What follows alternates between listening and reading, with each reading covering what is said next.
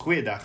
Parasha 29 Agarei Mot na die dood nommer 2. Ons gaan later in die week na Parasha 30 Kedushim ook kyk.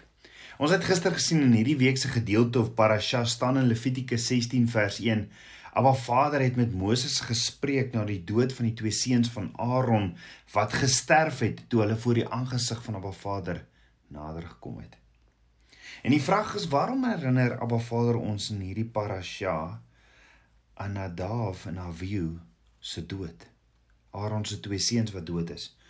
Omdat die dood van Nadav en Avihu die absolute noodsaaklikheid van die Shema leefstyl waartoe Abba Vader ons roep beklemtoon. In plaas daarvan om 'n mensgemaakte trappie na die hemel te bou soos die mees godsdienste dit probeer doen, leer Abba Vader ons iets oor die Shema leefstyl. Ons weet die Hebreëse woord Shema beteken Heer, luister nou by. En die Hebreëse prentjie wat verder vir ons geskilder word is om te luister. Maar 'n luister waar jy so oplet asof jou hele lewe daarvan afhang. Dan sodra jy aandag gee en hoor, begin jy onmiddellik om dit wat gesê is in jou lewe toe te pas.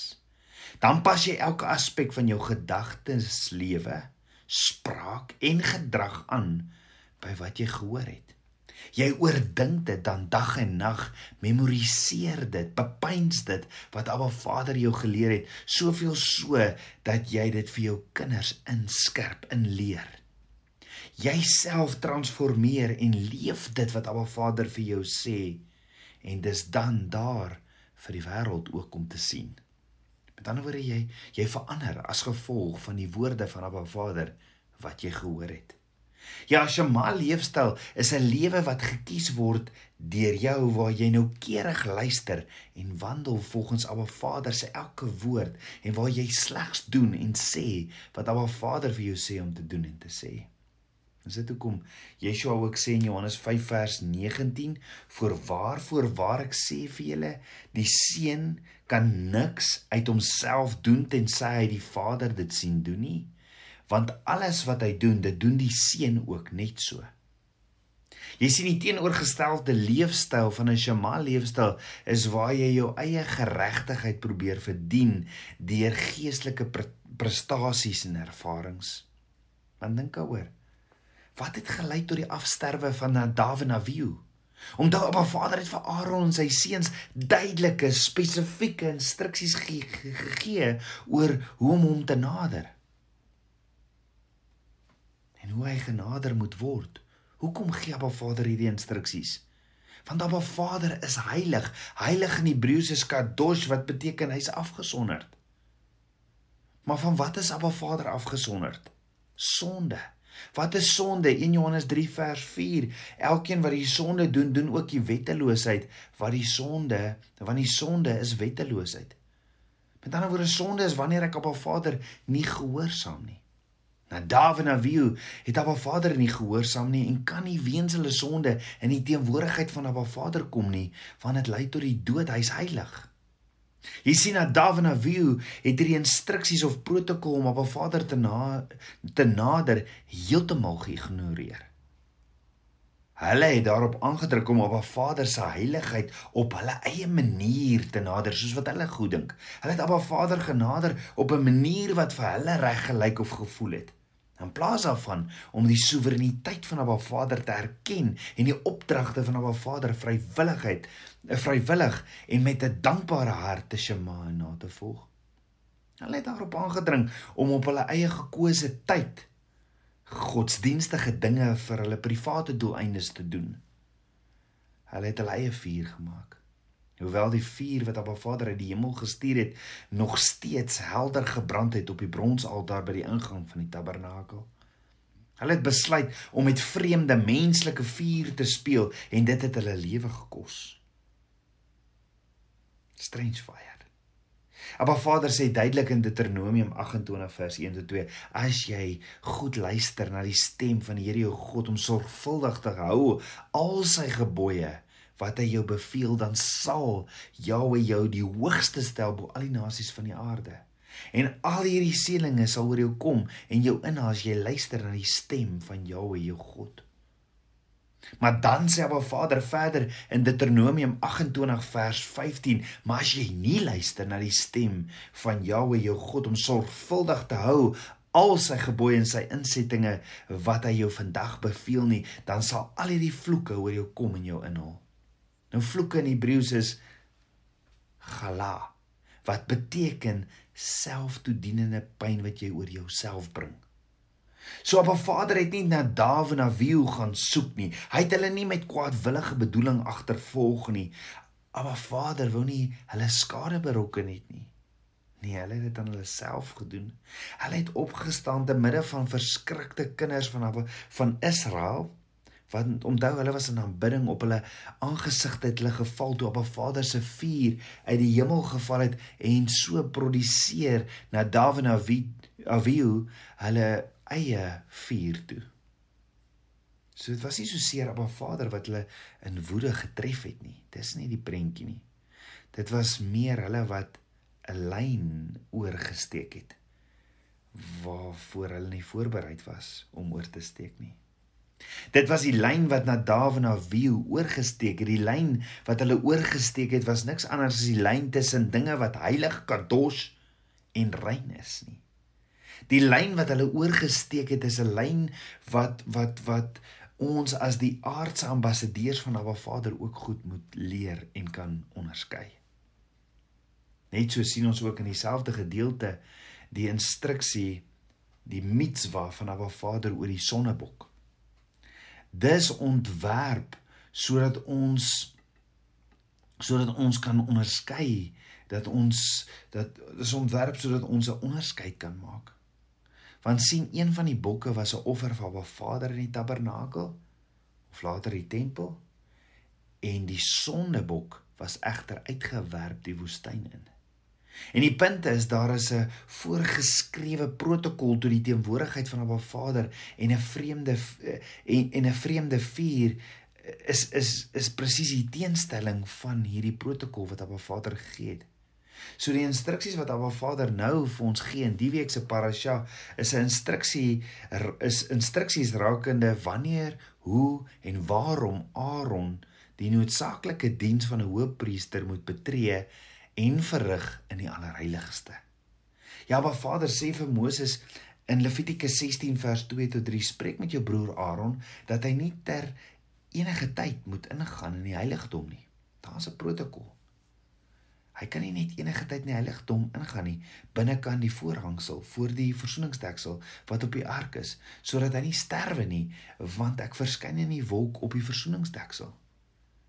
En hiermee moet Aaron in die heiligdom ingaan met 'n jong bul as sondeoffer en 'n ram as brandoffer.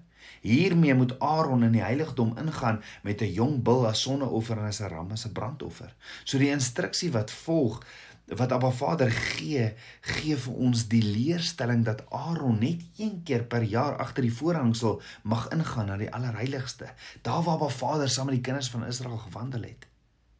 Daar waar die verbondsark en Abba Vader se Shekinah glorie is.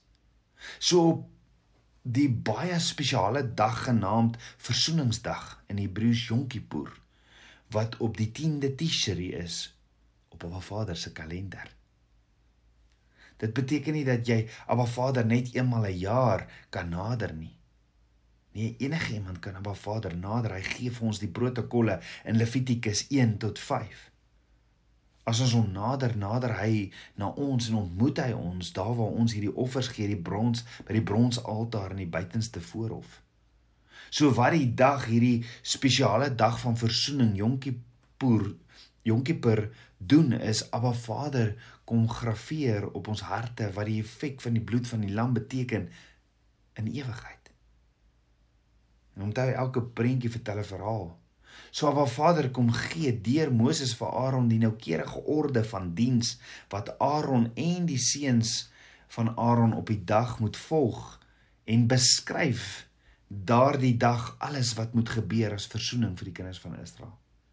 So eerstens gee Abba Vader eers die die spesifieke en bepaalde tyd op sy kalender wat die 10de Tishri, die 7de maand op sy kalender is wat wat gewoonlik enige tyd tussen September en Oktober op die Gregorian kalender is. Nou volgens geleerdes geleerdes het al die volgende ook op daardie bepaalde dag gebeur. Reg deur die woord, hoor gou wat het alles op die 10de Tisri ook gebeur. In die tuin van Eden het Adam en Eva 'n bedekking op die spek, spesifieke dag gekry van velle wat hulle van Abba Vader ontvang het op die dag na die sondeval toe hulle agtergekom het hulle is naak. Dan op hierdie einste dag het Abba Vader 'n ram voorsien op Berg Moria vir Abraham as plaasvervanger vir die vir die lewe van Isak. En dan op hierdie einste dag het Moses teruggekeer van Berg Sinai af na die kinders van Israel met die twee stel kliptafels wat deur Abba Vader geskryf is en waar hy ook verzoening doen waar Moses ook verzoening doen vir die kinders van Israel vir die sonde van die goue kalf. Met ander woorde die 10de Tishri is dus en was van die begin af 'n baie spesiale dag. Dis 'n dag dag wat in Hebreëus genoem word Yom en versoening wat in Hebreëus genoem word Kippur. Ja, op hierdie dag word Abba Vader se vergifnis geopenbaar en dis hier waar die verbondskinders van Abba Vader dan 'n nuwe en dieper vlak van verhouding met hom aangaan. So die vraag is, hoekom gee Abba Vader nou vir ons hierdie instruksies? Hoekom leer ons nou oor 'n dag wat eers later in die jaar plaasvind? Die antwoord is van kardinale belang want dit gaan alles oor Abba Vader se verlossingsplan. Absoluut alles rakende ons individuele geestelike lewens en roeping sowel as ons geestelike profetiese bestemming is afhanklik van die hoop op bonatuurlike versoening van Abba Vader. Versoening is waaroor die verlossingsplan van Abba Vader gaan. Dit is die sleutel.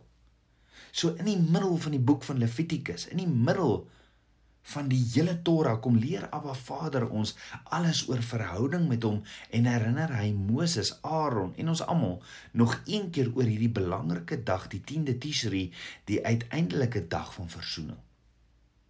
Die gebeure wat voorheen op die 10de Tishri gebeur het, Adam en Eva se se klere wat hulle ontvang eh, as gevolg van hulle naaktheid weens sonde met velle tot die verskaffing van selfs met die verskaffing van 'n ram wat deur sy horings vasgevang is in Isak se plek. Wat was alles 'n prentjie van Yeshua wat kom tot die verskaffing van nuwe kliptafels met instruksies uitgekerf deur die vinger van Abba Vader wat verkondig dat daar van die grondlegging van die aarde af 'n weg voorsien is om tot Abba Vader te nader.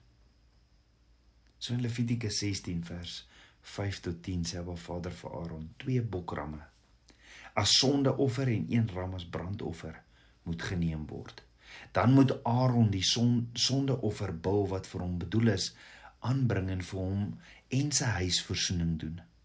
Hy moet ook die twee bokke neem en hulle voor die aangesig van Jahweh stel by die ingang van die tent van samekoms. En Aaron moet ook die twee bokke die lot werp. Een lot vir Jahweh en een lot vir Azazel en dan moet Aaron die bok aanbring waar die lot vir Jahwe opgekom het en hom as sondeoffer berei. Maar die bok waar die lot vir Azazel opgekom het moet lewendig voor die aangesig van Jahwe getel word om oor hom verzoening te bewerk deur hom vir Azazel in die woestyn in te stuur Ja, elke jonkie jonkie poer dag van verzoening moet Aaron of sy opvolgers as hoofpriesters twee lewende bokke uit die kleinvee van die kinders van Israel kies.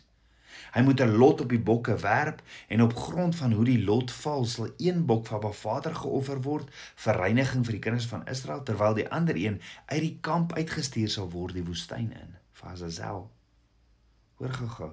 Voordat Aaron die bok met die naam Azazel die woestyn instuur, moet hy iets vreemds doen. En dit is hoe die woord dit stel in Levitikus 16 vers 21 tot 22. Aaron moet sy twee hande op die kop van hierdie lewendige bok lê en oor hom belydenis doen van al die ongeregtighede van die kinders van Israel en al hulle oortredinge wat hulle sondes ook al mag wees en hy moet die op die kop van die bok lê en hom deur 'n man wat gereed staan na die woestyn toe stuur. So met die bok dan hom al die ongeregtighede na 'n woeste land wegdra en hy moet die bok in die woestyn los. Nou geleerdes vertel en skryf dat die volgende gebeur het op hierdie dag. As die hoëpriester na die sonnebok toe gaan en sy hande op sy kop sit, sal die hoëpriester namens die kinders van Israel die volgende belydenis doen en sê: Vader, u volk, die huis van Israel, het oortree, het gesondig en is ongeregtig. Maar Vader, ons bid en vra vir u voorsiening, reinig ons. Want sien die hoëpriester het dit gebid, want Abba Vader het vir Moses gesê om vir die hoëpriester te sê in Levitikus 16 vers 30, want op hierdie dag moet hy vir julle voorsiening doen, voor, versoening doen om julle te reinig van al julle sondes, moet julle voor die aangesig van Jahweh rein word. En dan sou die hoofpriester die naam van Abba Vader namens die hele volk uitspreek en hy sou sê: Here, Here, barmhartige en genadige God, lankmoedig en groot van goedertierenheid en trou, wat die goedertierenheid bewaar vir duisende wat ongeregtigheid en oortreding en sonde vergewe, maar nooit ongestraf laat bly nie, wat die ongeregtigheid van die vaders besoek aan die kinders en aan hulle kleinkinders en aan hulle kindskinders aan die derde en aan die vierde geslag. Sjoe. Dan sou al die priesters en al die mense vir dit gehoor het. Hulle sou op die grond neergeval het. Op die aangesig voor Abba Vader en hulle sou huil en sê: Geseënd is sy naam wie se heerlike koninkryk tot in alle ewigheid is. En hoe awesome is dit nie? So om oor te ponder. Wat of wie is die as 'n selbok wat die woestyn gestuur moet word? Kom ons bid saam. Aba Vader, skieper van my hart. Vader, ek loof en ek prys U. Vader, kom vergewe my, vergewe my my sondes. Was my met die waterbad van U woord en kom leef in my. Aba Vader, dankie. Dankie. vir die lam van God. Dankie dat U ons so liefhet dat U U enige gebore seun gestuur het. Dankie Abba Vader vir u verzoening. Dankie dat u voor die grondlegging van aarde af reeds geweet het wat ek nodig het. Dankie vir u liefde. Meer en meer van u. Ek bid dit alles in Yeshua Messie se naam, die seun van Jahweh. Amen. Shalom.